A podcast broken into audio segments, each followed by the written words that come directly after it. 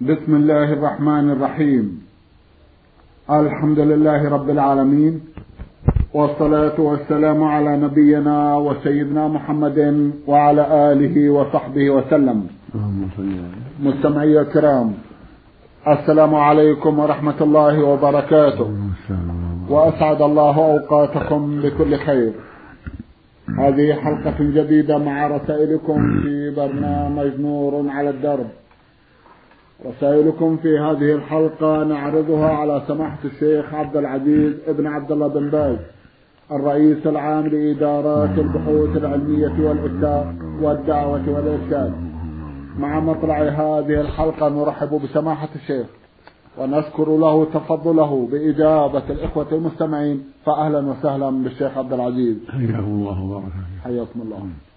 أولى رسائل هذه الحلقة رسالة وصلت إلى البرنامج من إحدى الأخوات المستمعات من ليبيا رمزت إلى اسمها بالحروف حاء عين.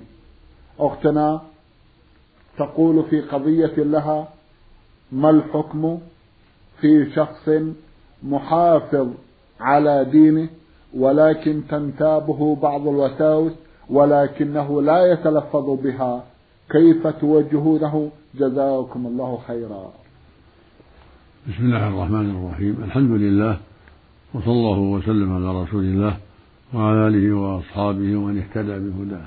أما بعد فالوصية لهذا الرجل الذي تنتابه بعض الوساوس أن يتعوذ بالله من الشيطان عند وجودها وأن يكون عنده العزم القوي على طاعة الله والاستقامة عليها في الصلاة وغيرها وفي الوضوء وفي الغسل ليحذر وساوس الشيطان وليستعيذ بالله من نزغاته. وإن كانت الوساوس فيما يتعلق بالله والآخرة فليقل آمنت بالله ورسله. أعوذ بالله من الشيطان الرجيم. وليمضي في طريقه وعمله الطيب. ولا يلتفت إلى هذه الوساوس الخبيثة. نعم.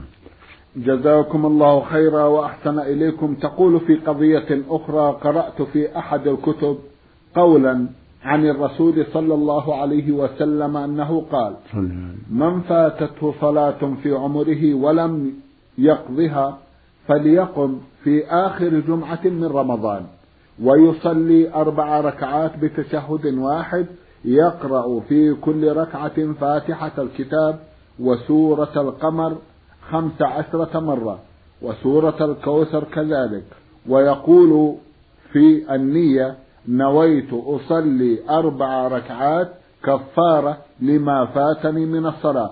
فإذا فرغ من الصلاة صلى على النبي صلى الله عليه وسلم مئة مرة. فهل هذه الصلاة صحيحة؟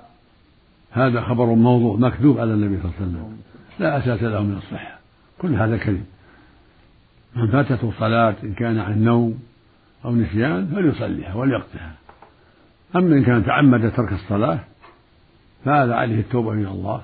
إن قضاها فلا بأس وإلا فلا يلزمه القضاء. التوبة تكفي إذا تاب إلى الله وندم على ما ترك من الصلاة كفى لأن ترك الصلاة كفر أكبر. والكفر يكفي فيه التوبة. يقول الله سبحانه قل للذين كفروا إن ينتهوا يغفر لهم ما قد سلف.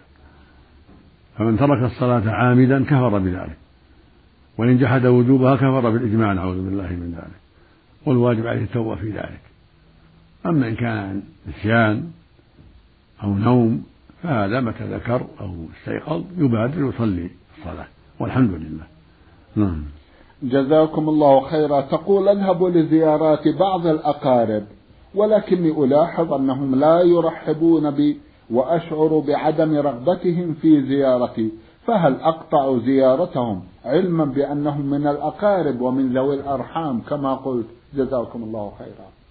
الأفضل أن تزوريهم وتؤدي حق الرحم وأبشر بالخير. يقول النبي صلى الله عليه وسلم ليس الواصل بالمكافي ولكن الواصل الذي إذا قطعت رحمه وصلها. فإذا رأيت منه الجفاء فأنت كوني خيرا منهم. سليهم بالكلام الطيب والزيارة الطيبة وأنت على خير وعلى أجر والحمد لله. نعم. من الإمارات العربية المتحدة رسالة بتوقيع إحدى المستمعات تقول ها ألف ألف مصرية. أختنا بعثت بثلاث رسائل دفعة واحدة ولكن لرداءة خطها لم أستطع إلا فهم هذا السؤال. تقول إنها تعطي جزءا من راتبها كزكاة لأقاربها فهل يجزئ ذلك أو لا؟ جزاكم الله خيرا. إذا كان أقاربها فقراء فلا بأس الزكاة تجزئ فيهم إذا كانوا من ليسوا من عمودي النسب ليسوا من آبائها وأجدادها ولا من أمهاتها وجداتها وليسوا من أولادها وأولاد أولادها فلا بأس. كالإخوة والأعمام والأخوال وبني العم وبني الخال ونحو ذلك. إذا كانوا فقراء وأعطتهم الزكاة فهذه صدقة وصلة.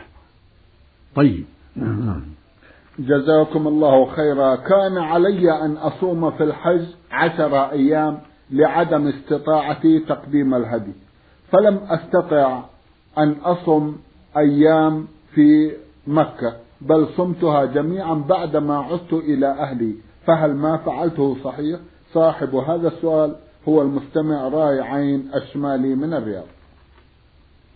الواجب أن تصوم ثلاثة أيام في الحج قبل عرفة أو أيام التشريق. فإذا لم يتيسر ذلك لعجز أو مرض أو غير ذلك صمت العشرة جميعا في أهلك وبلدك والحمد لله ولا شيء عليك.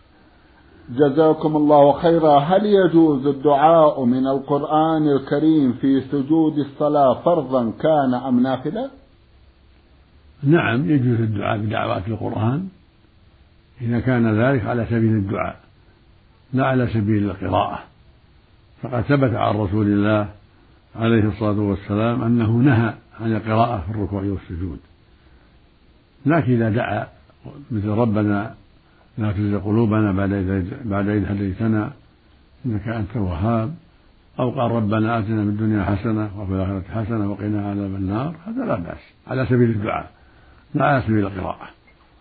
فدعوات القرآن إذا قيلت في السجود أو في آخر التحيات على سبيل الدعوة الدعاء والضراعة إلى الله لا على سبيل القراءة لا حرج في ذلك. جزاكم الله خيرا وأحسن إليكم. من أدى الحج وهو محافظ على أركان الإسلام إلا أنه ارتكب بعض المعاصي. هل يؤثر ذلك على أعماله الطيبة؟ جزاكم الله خيرا. الحج صحيح. الحمد لله. ولو كان عنده شيء من المعاصي الحج صحيح.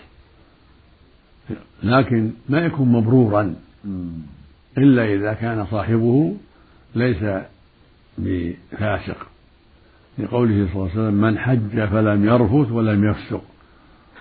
رجع كيوم ولدته أمه وقال عليه الصلاة والسلام الحج المبرور ليس له جزاء إلا الجنة والحج المبرور هو الذي ليس فيه رفث وهو الجماع ودواعيه ولا فسق المعاصي فإذا كان حين حج يأتي بعض المعاصي حجه ناقص. ولكنه يجزي يجزي يبرئ ذمته من الفريضة لكن يكون حجه ناقص ما يكون مبرورا يكون ناقصا. إذا كان مثلا يأكل الربا أو عند عقول والديه أو أحدهما أو قاطع للرحم أو يغتاب الناس يتعرض للغيبة أو ما أشبه ذلك أو أو خان في معاملة أو غش في معاملة كل هذه معاصي. يكون حجه ناقصا ودينه ناقصا وإيمانه ناقصا ولكن لا يكفر بذلك ولا يبطل حجه بذلك. ما دام على الإسلام والتوحيد والإيمان بالله ورسوله هذا اللي عليه أهل الحق من الصحابة ومن بعدهم وهم أهل السنة والجماعة وهم الفرقة الناجية وهم الطائفة المنصورة الذين استقاموا على دين الله ووحدوا الله وأخلصوا له العمل. هؤلاء هم أهل الإسلام وهم أهل الإيمان وهم أهل التقوى والبر فإذا وقع من أحدهم معصية صار نقصا في الإيمان. ضعفا في الإيمان لا يخرج بذلك عن دائرة الإسلام. وحجه صحيح وصلاته صحيحة صومه صحيح لكنه يأثم بالمعصية التي تعاطاها كالغيبة أو أكل الربا أو غش في معاملة أو أشبه ذلك. يكون نقصا في إيمانه نقصا في صومه نقصا في حجه. نعم. جزاكم الله خيرا وأحسن إليكم من الأخوين عبد الجليل عباس ومحمد علي رسالة وضمناها جمعا من الأسئلة. في أحدها يقولون ما هو العمل الذي ينفع الميت؟ جزاكم الله خيرا. الأعمال التي تنفع الميت كثيرة. منها الدعاء للميت بالمغفرة والرحمة والنجاة من النار وضعافة الحسنات فالدعاء للأموات المسلمين من أهم القربات والطاعات. بل شرع الله جل وعلا صلاة الجنازة لما فيها من الدعاء الميت والترحم عليه. ومنها الصدقة عن الميت. كون قريبه أو أخيه في الله يصدق عنه ينفع الميت. بالنقود أو بالطعام أو بالملابس أو بغير ذلك من أنواع المال. فالصدقة تنفع الميت. بإجماع المسلمين وبالنص عن رسول الله عليه الصلاة والسلام. هكذا الحج عنه والعمرة عنه وقضاء دينه كل هذا ينفعه. يقول النبي صلى الله عليه وسلم إذا مات ابن آدم انقطع عمله إلا من ثلاث صدقة جارية أو علم ينتفع به أو ولد صالح يدعو له. فالوصية لجميع إخوان المسلمين الدعاء لإخوان المسلمين والدعاء لأقاربهم ووالديهم المسلمين الدعاء لهم والترحم عليهم والصدقة عنهم كل هذا ينفعهم كثيرا. نعم نعم. جزاكم الله خيرا وأحسن إليكم من المستمع سيد محمود أحمد سليمان من مصر رسالة وضمنها هذا السؤال يقول إنني أعمل في المملكة سائق وخرجت من الدمام قبل الحج وعند الميقات أحرمت ولكن قبل أن أدخل جدة أقهرت أو أجبرت أن أحل الإحرام ثم ارتديته مرة أخرى واعتمرت فما حكم ما فعلت؟ عليك إطعام ستة مساكين أو صيام ثلاثة أيام أو ذبح شاة عن لبس المخيط وعن غطاء الرأس مثل ذلك. إطعام ستة مساكين كل مسكين له نصف صاع من التمر أو الأرز من قوت البلد. أو صيام ثلاثة أيام مجتمعة أو متفرقة. أو ذبح شاة في مكة للفقراء. أو سبع بدنة أو سبع بقرة. عن لبس المخيط المقطع مثلا. وعليك مثل ذلك عن غطاء الرأس إن كنت غطيت رأسك. لكونك تعمدت ذلك وأن تعلم أنه لا يجوز لك لكن للأسباب التي ذكرتها. نعم. جزاكم الله خيرا. من إحدى الأخوات المستمعات رسالة تقول في نهايتها المرسلة أختكم في الله. أختنا في الله ضمنت رسالتها أكثر من خمسة أسئلة فتسأل في أحدها عن حكم من نسي التسمية عند الوضوء. جزاكم الله خيرا. من نسيها عند الوضوء فلا شيء عليه الحمد لله. ولو تعمدها فوضوءه صحيح عند أكثر أهل العلم. وقال بعض أهل العلم إذا تعمدها وهو يعلم الحكم الشرعي يعيد الوضوء والصواب أنه لا يعيد. الصواب أنه لا يعيد. إذا كان عنده جهل أو شك في وجوبها عليه أو يعتقد أنها مستحبة فقط ليس عليه إعادة الوضوء. ولكن يشرع له أن يسمي عند الوضوء. فإن نسي ذلك أو جهل ذلك أو شك في وجوب ذلك فوضوءه صحيح والحمد لله. جزاكم الله خيرا. اشرحوا لنا حديث المائلات المميلات. جزاكم الله خيرا. يقول النبي صلى الله عليه وسلم صنفان من أهل النار. صنفان من أهل النار لم أرهما. نساء أولا رجال بأيديهم سياط يضربون بها الناس. مثل الشرطة وغير الشرطة الذين يضربون الناس بغير حق. هؤلاء من أهل النار هذا وعيد يجب الحذر. على الجندي وعلى غير الجندي ألا يضرب الناس إلا بحق.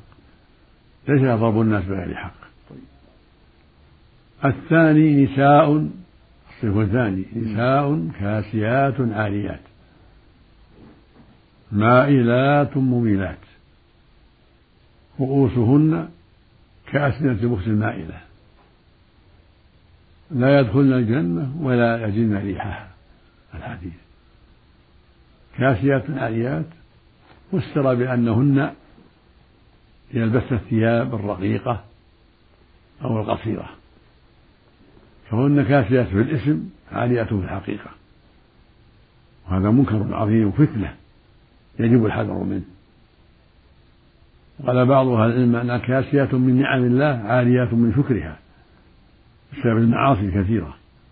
وبكل حال فهن عاصيات بالتبرج وإظهار محاسنهن أو ببقية المعاصي سوى ذلك. فهذا من العري عاليات بالمعاصي كاسيات بالملابس أو بالنعم. فالواجب على كل امرأة وكل مسلمة تقوى الله. وأن تكون بعيدة عما حرم الله. تستتر عن غير المحارم. تكون في ملابس مناسبة في حكمة ليس فيها تبرج ولا فتنة. تستر بدنها حتى لا تفتن الناس وحتى لا تضر نفسها. تكون ملابسها كافية ساترة ليس فيها فتنة. لا من جهة اللبس القصير ولا من جهة الشفاف ولا من جهة إظهار بعض المحاسن كل هذا يجب اجتنابه. مائلات مميلات مائلات عن الحق عن عن العفة عن الاستقامة. مميلات لغيرهن من النساء بدعوتهن إلى الباطل وتزيين الباطل لهن ونحو ذلك. فالواجب الحذر. من ذلك أن تكون مستقيمة على الحق ولا تميل عنه وليس لها أن تميل غيرها أيضا. فعليها أن تنصح لله ولعباد الله وأن تكون مستقيمة على الحق والعفة وأن تبتعد عن دعوة غيرها من النساء إلى الباطل والتبرج والتكشف وأسباب الفتنة. رؤوسهن كأسنة بخت المائلة هي علامة قال بعضهم معناه أنه يضخم الرؤوس لأن عليها من الخرق والأشياء التي تضخمها تجعلها كبيرة. هذه من علاماتها من علامات هؤلاء النسوة. فالواجب على النساء أن يحذرن ما حرم الله من جميع الأمور وأن يلبسن اللباس العادي الذي ليس فيه فتنة ولا دعوة للباطل وأن يكن بعيدات عن كل ما حرم الله. نعم. جزاكم الله خيرا وأحسن إليكم. تقول أسمع في بعض الفتاوى بعض علمائنا يقولون هذا حرام وبعضهم لا يقول لا يجوز. فهل هناك فرق بين اللفظين؟ لا فرق بينهم. لا يجوز أو حرام كلهم معنى واحد.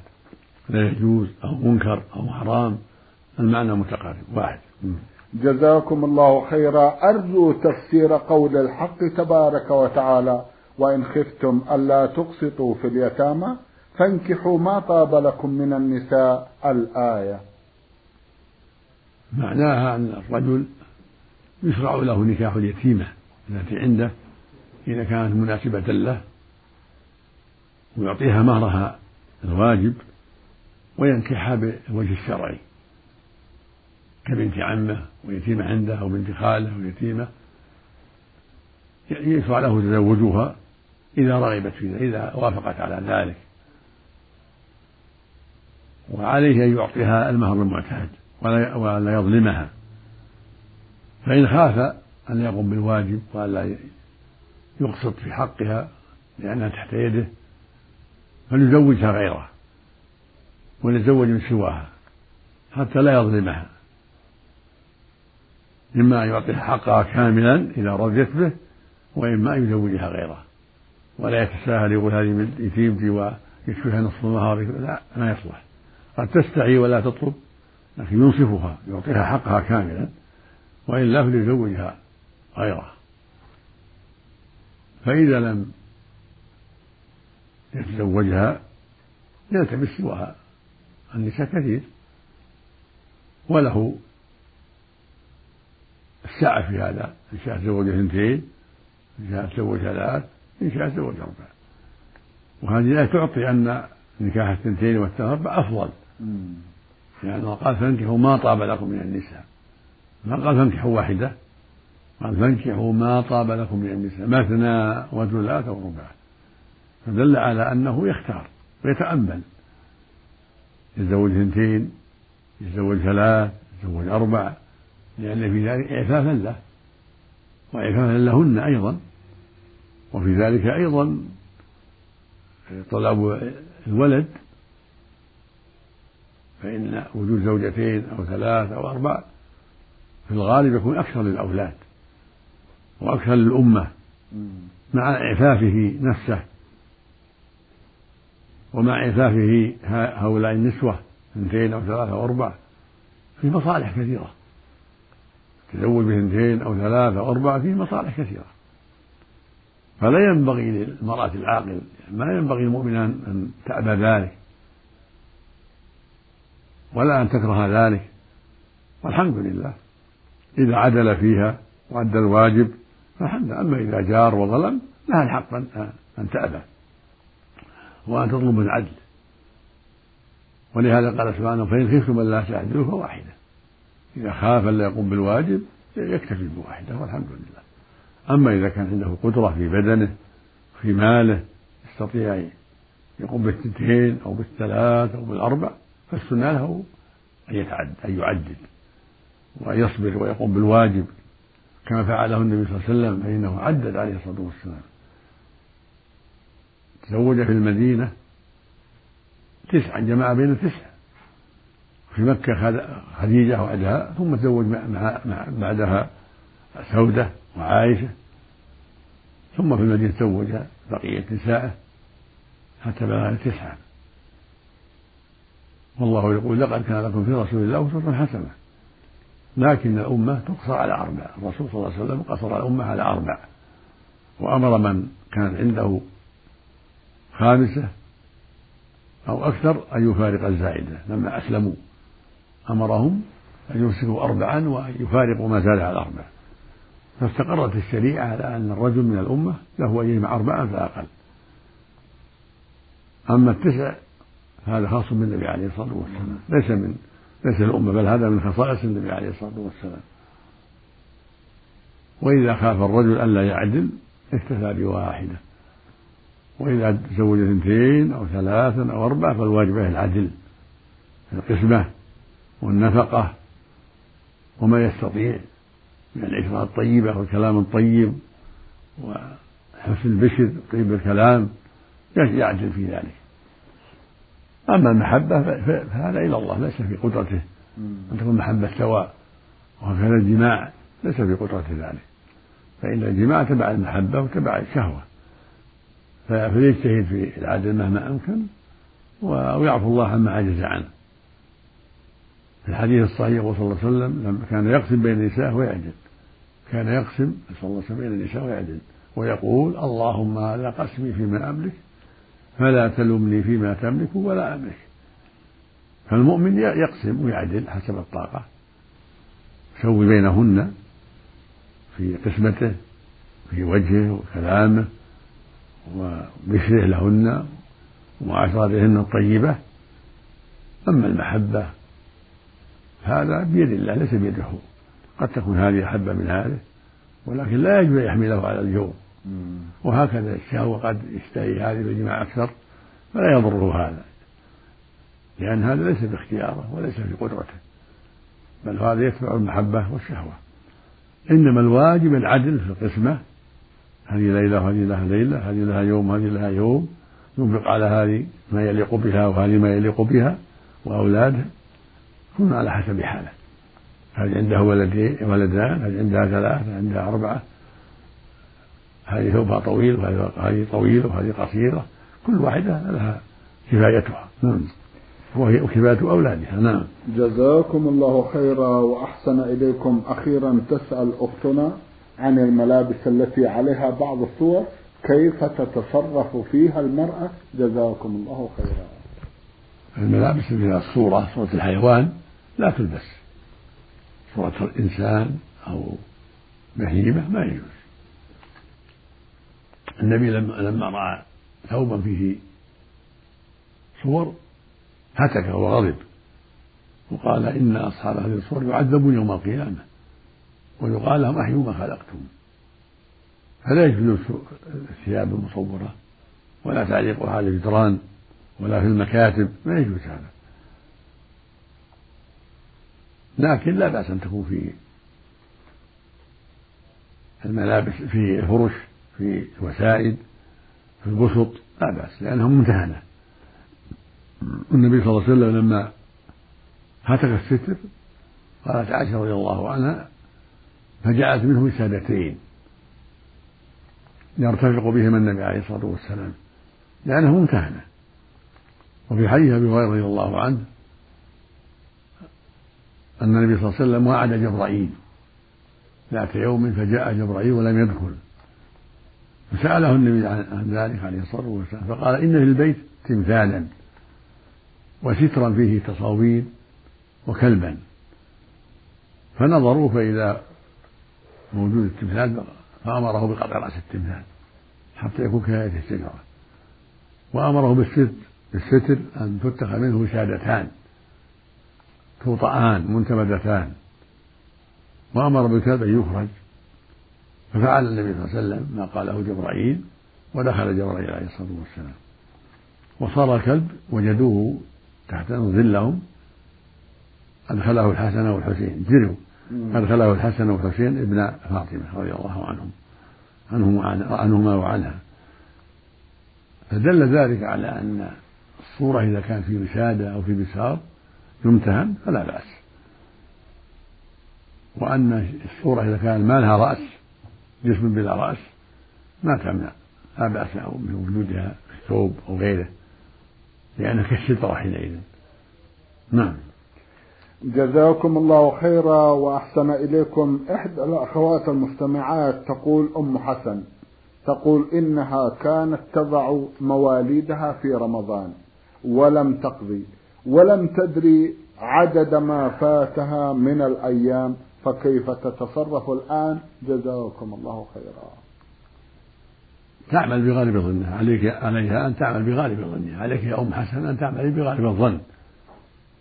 في قضاء الأيام التي أفطرت من رمضان. اعملي بغالب الظن والحمد لله. فاتقوا الله ما استطعتم. إذا غلب على ظنك أن أنك أفطرت عشرة أيام خمسة عشر يوم فاقضيها من كل سنة حتى تكملي. سواء قضيتها متتابعة أو مفرقة لا بأس. اعملي بالظن ويكفي في هذا والحمد لله. نعم. جزاكم الله خيرا. من المستمع عوض من المملكة الأردنية الهاشمية يسأل ويقول ما رأي سماحتكم في من يغالون في المهور؟ وهل هذا من الإسلام؟ وما نصيحتكم لمن يفعل ذلك. جزاكم الله خيرا. نصيحتي لإخواني في كل مكان عدم المغالاة في المهور والتخفيف والتيسير. كما في الحديث عن النبي صلى الله عليه وسلم قال خير الصداق أيسره وزوج امرأة إنسانا على أن يعلمها من القرآن. وقال التمس ولو خاتم من حديد. فالسنة تسهيل الظهور وعدم التكلف حتى يكثر الزواج وحتى تقل العنوسة والرجال محتاج للزواج والنساء محتاجات للزواج. فالمشروع للأولياء وللنساء التسامح في المهور المرأة تسامح وأمها تسامح وأبوها كذلك. الوصية للجميع التسامح وعدم التكلف في المهور ولا في توابع المهور. من الولائم وغيرها مهما أمكن فالوصية التسمح في ذلك والتخفيف في ذلك حسب الطاقة. نعم. جزاكم الله خيرا وأحسن إليكم سماحة الشيخ في ختام هذا اللقاء. أتوجه لكم بالشكر الجزيل بعد شكر الله سبحانه وتعالى على تفضلكم بإجابة الإخوة المستمعين. وآمل أن يتجدد اللقاء وأنتم على خير. نرجو ذلك.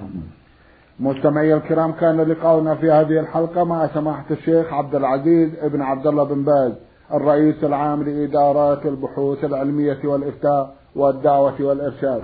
شكرا لسماحة الشيخ. وأنتم يا مستمعي الكرام شكرا لحسن متابعتكم. وإلى الملتقى. وسلام الله عليكم ورحمته وبركاته.